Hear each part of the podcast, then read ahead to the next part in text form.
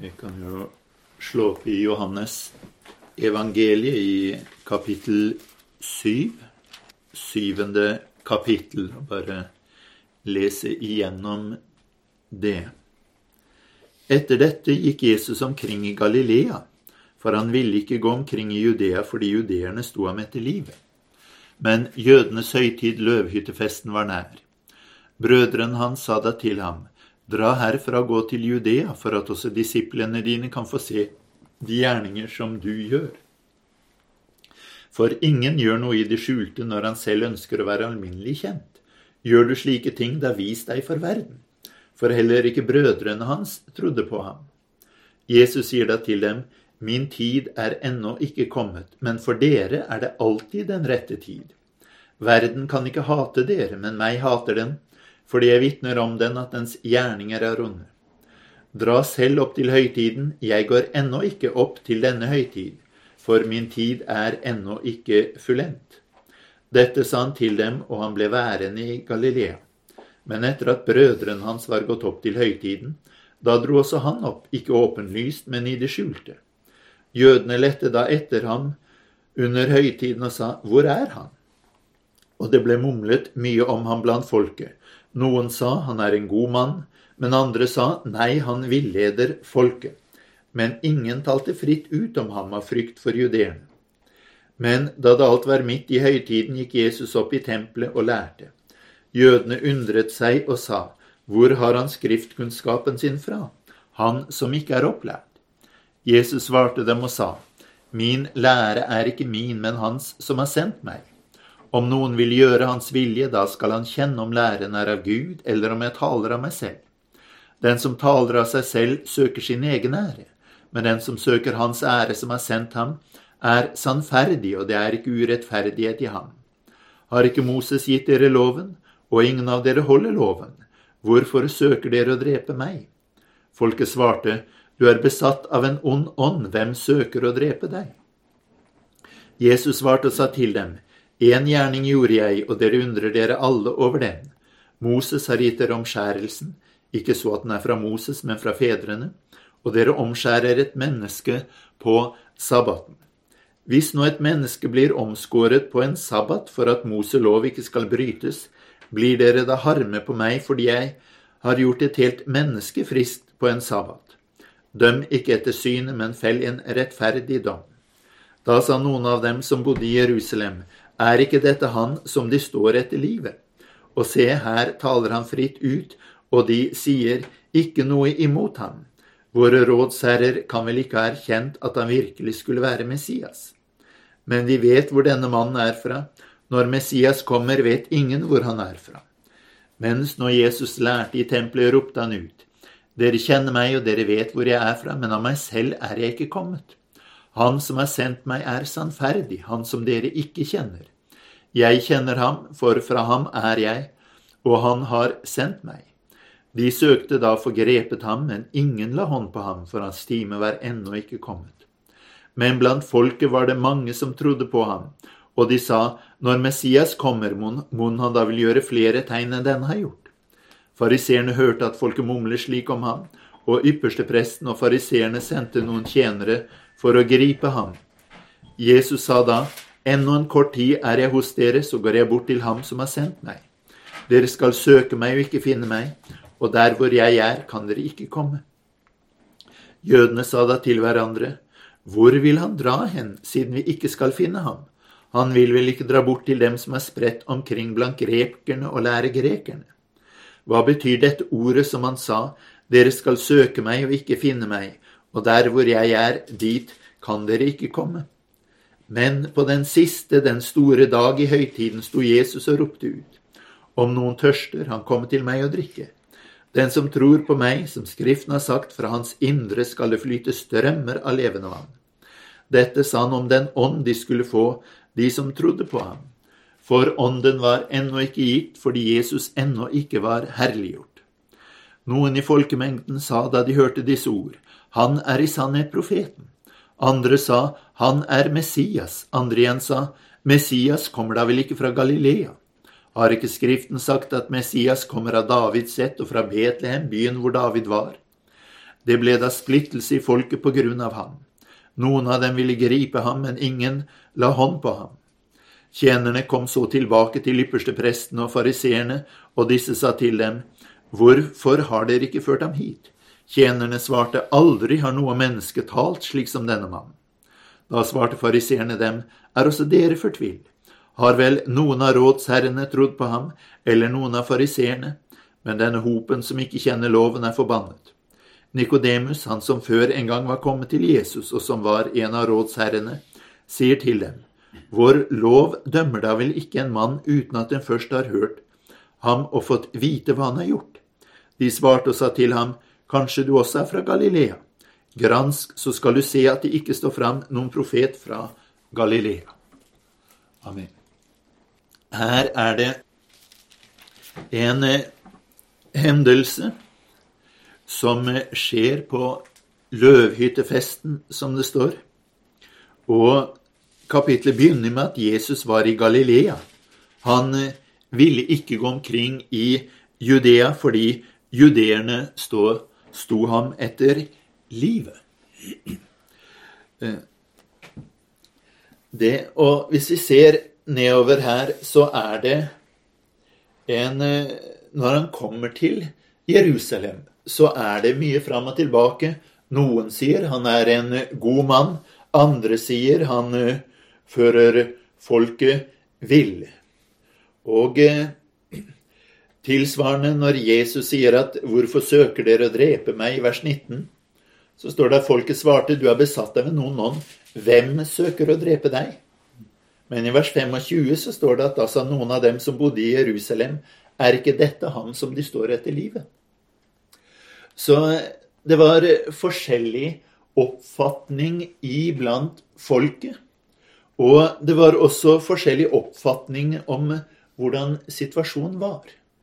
Og det var, ser det ut som, en konflikt eh, i forhold til mellom de som var i Galilea, og de som var i Judea.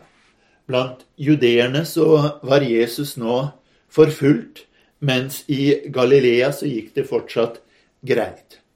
Og det kan se ut som at de han snakker med først, som sier at 'Hvem søker å drepe deg?', at det var galileerne. Mens de som bodde i Jerusalem, de sier at 'Er ikke dette ham de står etter livet?' For de visste at, uh, at de sto Jesus etter livet i Judea. I, uh, i Johannes evangeliet, i den uh, bibelen her, den 2007-revisjonen av 88-oversettelsen, så har de ofte oversett det med judeerne, der det før sto jødene. Og grunnen til det er jo for så vidt at jøder kunne du jo sånn sett kalle alle sammen. Men eh, de som i hovedsak sto Jesus etter livet, det var de jødiske lederne og de som var fra Judea. Og Derfor har man oversatt det med judeerne. For eh, Johannes, han var jo ifra Galilea. Hvis du tenker på de forskjellige som skrev evangeliene, så kan du si at Johannes han var den mest typiske galileer. Og han eh, for ham var jo de fra Judea på en måte en annen gruppe mennesker. Han var fra Galilea, og de var fra Judea. Galileerne de var nærmere hedningene. De tok og handlet med de Tiberias, også, også mellom Tiberias og, og Tyrus. Mens eh, de i Jerusalem var mye mer underlagt de religiøse lederne. Så vi ser denne konflikten som går igjen her, og som avslutter med at de sier til Nikodemus der at grans, så skal du se at det ikke står fram noen profet fra Galilea. Og sånn sett så hadde det jo vært flere profeter fra Galilea, men de tenkte nok på profeten, den som skulle komme. At han ikke skulle komme ifra Galilea. Men eh, noe av det interessante her er at når Jesus snakker med brødrene sine, de trodde jo ikke på ham, og de sier at du gå ned dit og vis deg frem. på en måte Dra dit hvor alle de religiøse store er. Hvis du skal være en sånn religiøs storing, så får du være sammen med de andre storingene. Men eh, Jesus han sier til dem at min tid er ennå ikke kommet. Min tid er ikke kommet. Men for dere er det alltid den rette tid. Og han sier igjen i eh, vers 8.: Jeg går ennå ikke opp til denne høytid, for min tid er ennå ikke fullendt. Og igjen vers 30. De søkte da forgrepet grepet ham, men ingen la hånd på ham, for hans time var ennå ikke kommet. Noe av det som eh, Johannes tar veldig mye frem når det gjelder Jesus, er nettopp dette med at eh, alt var underlagt Guds plan. Vi var inne på tidligere hvordan han sa at 'jeg gjør ikke mine egne gjerninger, jeg gjør Faderens gjerninger'. 'Jeg gjør det han viser meg'. 'Jeg gjør det jeg blir fortalt av Gud'. På en måte, Og det samme sier han her, at 'min lære er ikke min, men det er Hans som har sendt meg'. Dere kjenner ham ikke, men jeg kjenner ham. Det er Guds lære som jeg bringer videre. Og her er det altså det er Guds lære, og det er Guds plan. Det er det som Jesus er opptatt med. Guds lære og Guds plan. Og vi ser at han drar ikke med en gang, men senere så drar han ned. Og så begynner han så vidt å lære midt i Midt i festen her så er det midt i høytiden, står det i vers 14. Og det endelige som han sier, er på den siste, den store dag i høytiden. Da sto Jesus og ropte ut. Og det var jo litt spesielt å stå og rope. Vi er jo vant til at predikantene står, men eh, på den tiden så sto ikke predikanten. Predikanten satt. Eh, folket kunne gjerne stå, men predikanten han satt og forkynte. Så når Jesus her sto og ropte ut i vers 37, så tyder det på at situasjonen var veldig spesiell. Det var ikke en situasjon hvor de satt og hørte på ham eller var opptatt med ham, men det var en situasjon hvor Jesus griper inn midt i høytiden og eh, forteller de noe.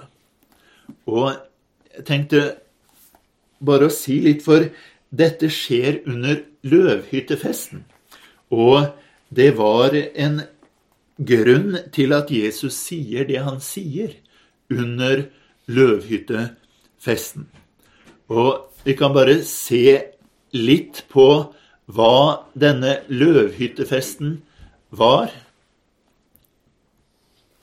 I eh, femte Mosebok, i vers 16, så sier han der i vers 13 til 15 Løvhyttefesten skal du holde i sju dager, når du har samlet inn fra din låve og fra din vinpresse. Du skal være glad på din høytid, du og din sønn og din datter og din trell og din trellkvinne, og levitten og den fremmede og den farløse og enken som bor i dine byer. Sju dager skal du holde høytid for Herren, din Gud, på det stedet Herren utvelger. For Herren din Gud skal velsigne deg i all din avling og i alt det du tar deg fore, så du kan være full av glede.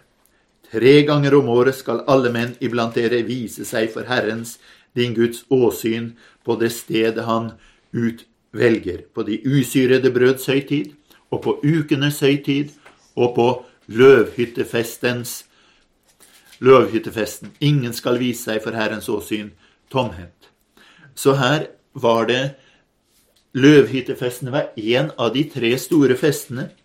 Tre ganger om året skulle alle komme ned. Det var på de usyrede brøds høytid. Det var påsken ukenes høytid, som var pinsen, og så var det på løvhyttefesten. Og den festen den skulle han holde når du har samlet inn fra din låve og fra din vinpresse.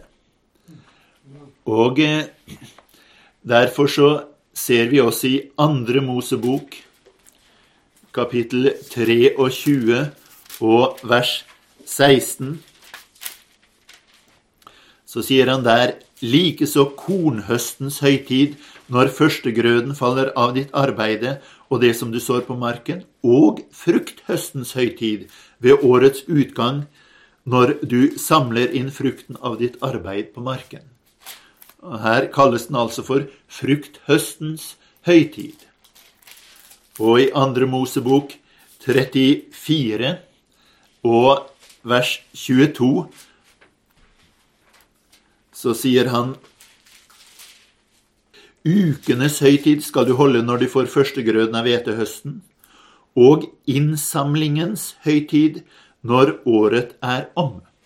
Så her kalles den for innsamlingens høytid. Og så kan vi gå til tredje Mosebok 23 og vers 33. Og Herren talte til Moses og sa:" Tal til Israels barn og si:" Fra den femtende dag i denne samme sjuende måneden skal løvhyttefesten holdes for Herren, og den skal vare i sju dager. På den første dagen skal det være en hellig sammenkomst. Dere skal ikke gjøre deres vanlige arbeid. I sju dager skal dere ofre ildoffer til Herren. Den åttende dagen skal dere holde en hellig sammenkomst og ofre ildoffer til Herren. Det er en festsammenkomst. Dere skal ikke gjøre deres vanlige arbeid. Og fra vers 42.: Dere skal bo i løvhytter i sju dager. Alle innfødte i Israel skal bo i løvhytter. For at deres etterkommere skal vite at jeg lot Israels barn bo i løvhytter da jeg førte dem ut av landet Egypt. Jeg er Herren deres Gud. Så her er det at han omtaler løvhyttefesten, men den kalles også for innsamlingenes høytid og frukthøstens høytid. Så det var en høytid som hadde, om du vil, en dobbel funksjon.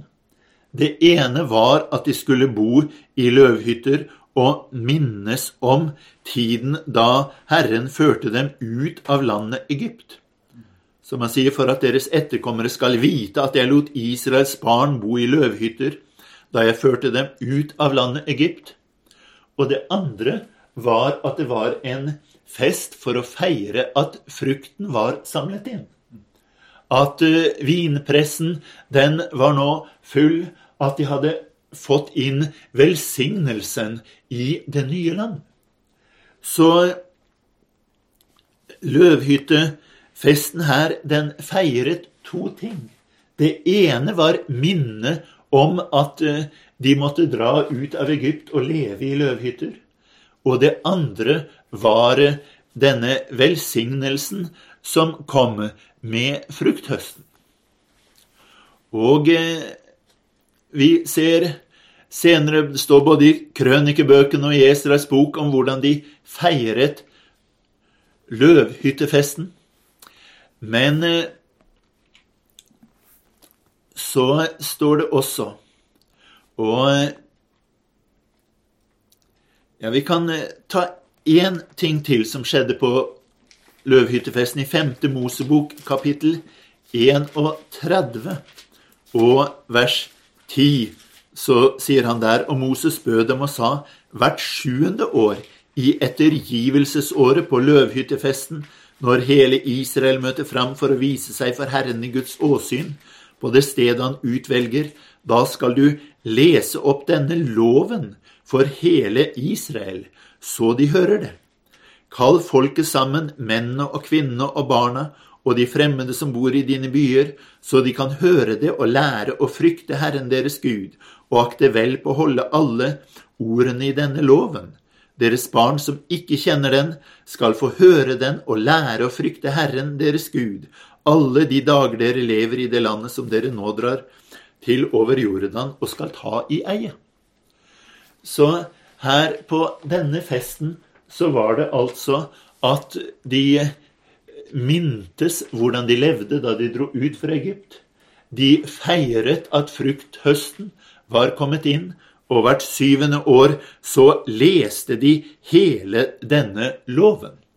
Da stilte presten seg frem og leste opp fra loven for alt folket. Det var jo ikke alle som kunne lese, og det var slett ikke alle som hadde en bokrull med loven, men da leste han hvert sjuende år for dem. Og denne feiret de. Men det var ikke bare en tilbakeblikk, kan du si, at man feiret det som var, men det var et blikk forover. Og i Sakarias det 14. kapittel og fra det 16. verset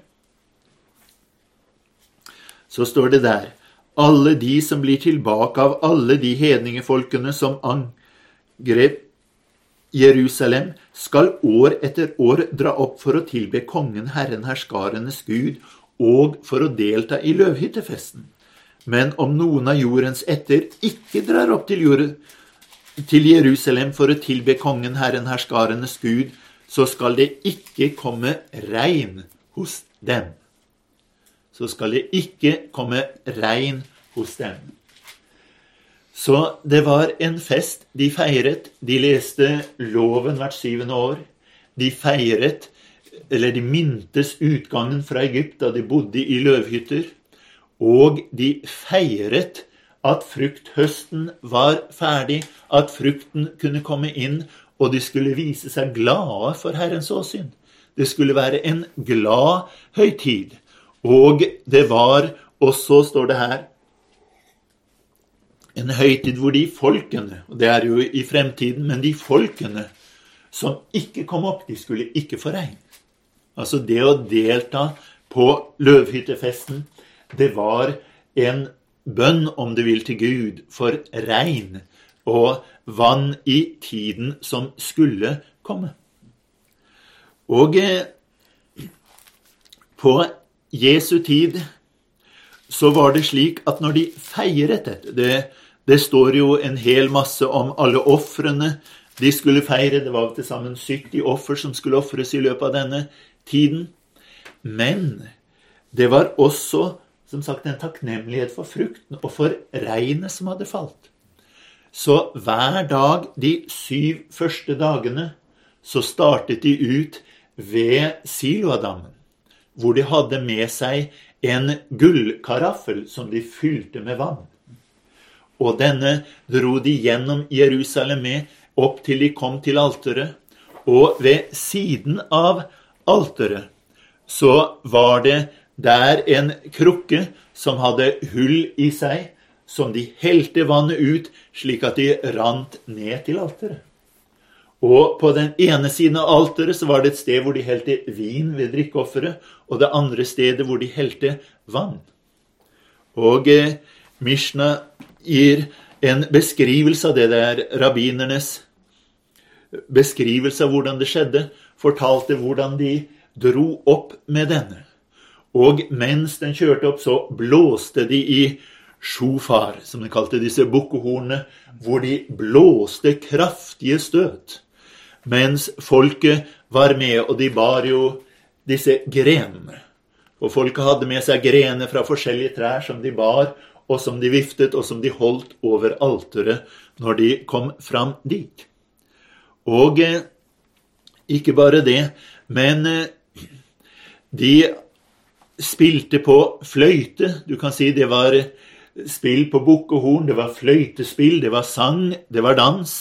Og det skrives der i, i Mishna at de sa at en person som ikke har sett fryden ved denne høytiden, han har aldri sett glede. Det var det de sa. Dette var en gledens høytid. Dette var en høytid med fest og med glede. Og det var en høytid hvor de tok med seg vannet og bar frem og helte ut ved alteret. Og dette skjedde syv dager på rad. Men hvis du husket, så sa han det skulle vare i syv dager. Men på den åttende dagen skulle være en spesiell høytid. Og det er det som det står her i det 37. Eh, verset på den siste, den store dag i høytiden. Altså på den siste dagen på dagen etter de syv dagene. På dagen etter at de var ferdig med dette vannet som de bar fremme. for å be til Herren om vann. På den dagen så var det at Jesus sto frem og ropte, om noen tørster, han komme til meg og drikke. Hver dag så kom de fram med vannet, og de feiret dette vannet, og de ba om at Herren skulle gi dem vann. Og på den åttende dagen når de var ferdig med bønn om at Herren skulle gi dem vann, om at Herren skulle sende regn, om at Herren fortsatt skulle gi dem fruktbare tider, da er det at Jesus står frem og sier at om noen tørster, han komme til meg og drikke. Her har de altså syv dager på rad bedt om at Herren skal komme med vann. Og de var Blant annet så siterte de fra Jesaja 12, ikke sant, at uh, dere skal øse vann med glede av frelsens kilder. Og de gikk til Silo og øste vann, og øste de ut ved, ved alteret. Men når alt dette var over, på den siste dagen, når de var ferdig med dette, så står Jesus frem og roper ut om noen tørster, han komme til meg og drikke. Og her er det ikke Jesus som sitter og lærer på et eller annet rolig sted der hvor ja, folk kunne komme til ham for å høre, på en måte. Men det virker som at Jesus sto frem til denne prosesjonen, til alle disse mennesker som var samlet, til de som kom fram på den siste dagen for å, å feire. Så sier han på en måte at ja, nå har dere i syv dager bedt om vann. Men om noen tørster, han kan komme til meg og drikke og fra dens indre som tror på meg, hans, der skal det strømme, renne strømmer av levende vann. Fra hans indre skal det flyte strømmer av levende vann. Jesus tar altså og binder seg opp til denne festen som var. Alt dette hadde med løvhyttefesten å gjøre, med frukt, innhøstningens fest med festen hvor de ba Herren om vann som velsignelse for et nytt år. De, det var jo vannet som Herren måtte komme med. De var jo lovet at løfteslandet, det skulle være et land som flyter med melk og honning. Det landet dere drar over til og skal innta, er et land med fjell og daler som drikker vann av himmelens regn. Det var det han sa i 5. Mosebok 11.11. Et som drikker vann av himmelens regn. Det eneste de trengte, var regn. Så kunne de gjøre selv. Bakken var jo der. Det som trengtes, var regn. Man trengte ikke be Herren om at Herre, gi oss jord, for den var der. Man trengte ikke be Herren og si at Herre, gi oss vintrær. De hadde man plantet. Det man måtte be om, var Herre, gi oss regn. Det var det man trengte. Og dette landet var et land som drikker vann av himmelens regn. Og det de ba om på høytiden, var at dette landet deres skulle få del i himmelens regn. Men da er det at Jesus står frem og roper, om noen tørster, han kommer til meg og drikke. Fra hans, den som tror på meg, som Skriften har sagt, fra hans indre skal det flyte strømmer av levende vann. Med andre ord, det Gud sier, er at det er ikke lenger slik at det kommer til å være et land der som tar imot og drikker vann av himmelens regn. Men nå skal det være et folk som drikker vann av himmelens regn, og som bærer frukt til Guds ære. Og det er det som er vår oppgave. Å drikke vann av himmelens regn og bære frukt til Guds ære. Slik at denne høytiden ikke lenger blir en høytid for hva skal jeg si, eplene og pærene, hadde jeg nær sagt, for fiken og, og for vindruer, men at det kan bli en høytid for åndens frukt, som er et resultat av at vi drikker vann av himmelens regn.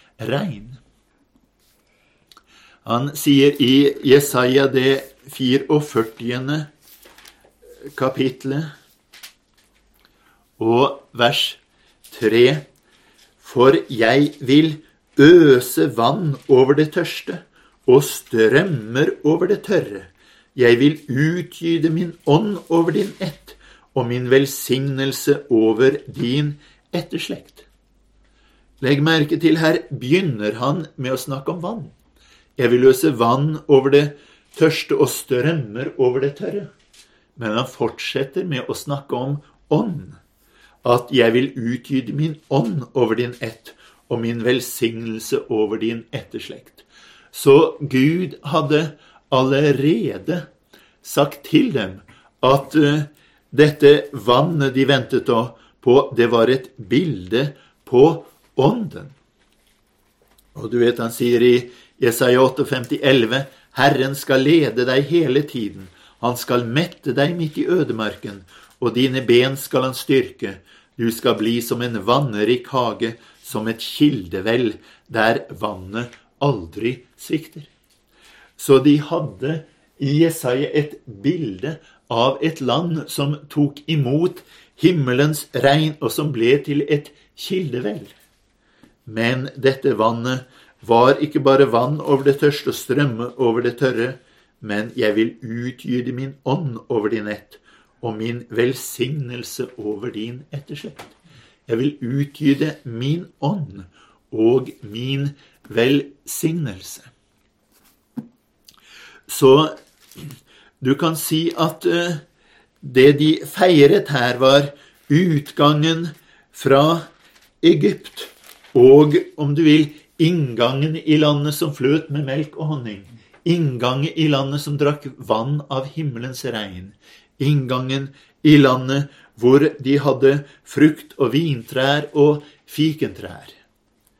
Men Jesus han kommer og griper tak i dette og sier at hvis du tørster, hvis du er et land som lengter etter regn, så kom til meg.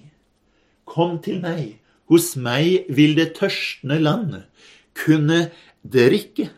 Hos meg kan det tørste landet bli gjort om til en kilde som aldri blir tørr. Hos meg kan den tørstende landet få del i noe som gjør at du bærer frukt. For, står det, dette sa han om den ånd de skulle få, de som trodde på ham den ånd de skulle få som trodde på ham. For ånden var ennå ikke gitt fordi Jesus ennå ikke var herliggjort. Min time er ennå ikke kommet, sier Jesus igjen og igjen til brødrene sine. Min time er ennå ikke kommet. Men han dro frem, og på den siste dagen så sto han frem og sier at om noen tørster, han komme til meg og drikke. Men det var ikke å komme der og da og drikke for det sa han om den ånd de skulle få, som trodde på ham. Men hva var det med denne ånden? Jo, ånden var ennå ikke gitt fordi Jesus ennå ikke var herliggjort. Men det som er veldig interessant med dette avsnittet, det er at eh, de har lagt til noe der i vår oversettelse som ikke står der. Det Jesus sa, var ikke at ånden er, var ennå ikke Eller det Johannes sa, var ikke at ånden ennå ikke var gitt. Dette gitt er lagt, lagt til. Det han sier ordrett, er at ånden var ennå ikke, fordi Jesus ennå ikke var herliggjort. Ånden var ennå ikke. Det var en ånd som ennå ikke fantes, fordi Jesus ennå ikke var herliggjort. Og det er en veldig interessant eh, beskrivelse. At ånden var ennå ikke. Så kan du si at var ikke ånden Det står jo i begynnelsen skapte Gud himmelen og jorden, ikke sant? og Guds ånd svevde over vannene. Så ånden må jo ha vært men allikevel så var det en ånd de skulle få, men som han ennå ikke kunne få. Fordi Jesus ennå ikke var herliggjort. Og så lenge Jesus ennå ikke var herliggjort, så var det en ånd som ikke fantes. Det var en ånd som ennå ikke eksisterte. Og hvilken ånd var dette? i første Korinterbrev, kapittel 15 og vers 45, så står det slik står det også skrevet det første mennesket, Adam, ble til en levende sjel.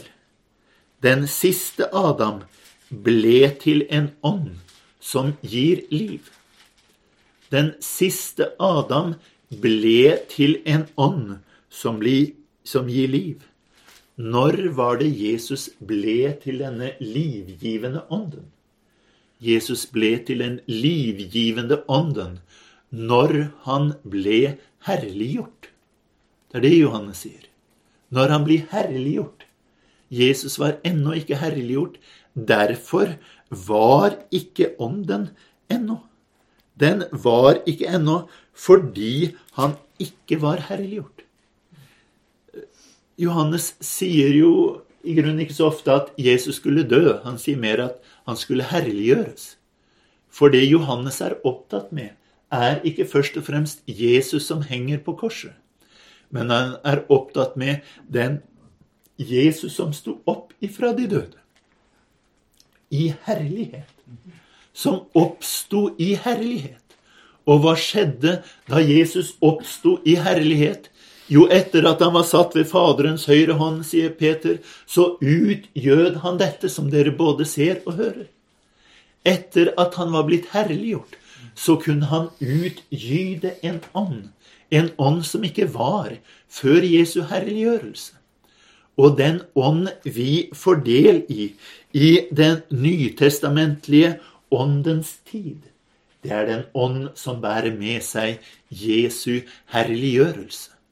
Det er den ånd som er den siste Adam, som ble til en levende, gjørende ånd. Det er en ånd som bærer med seg hele forsoningen. Det er en ånd som er litt annerledes enn ånden i Det gamle testamentet.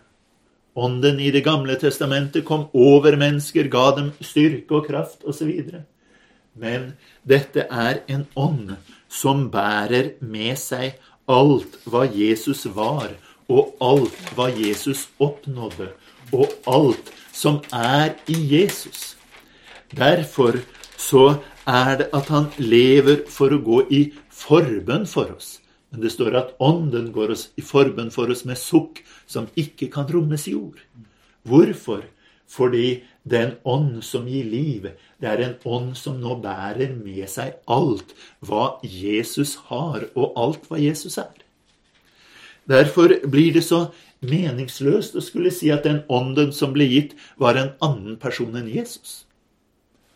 At det var den tredje personen som var gitt. Vel, den, hvis det var en tredje person, så må jo han ha eksistert lenge før Jesus gikk her på jorden.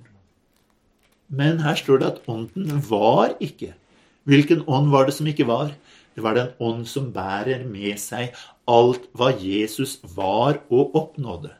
Den fantes ikke men etter pinsedag den ånd som ble utgitt over verden. Det er den ånden som er Jesus.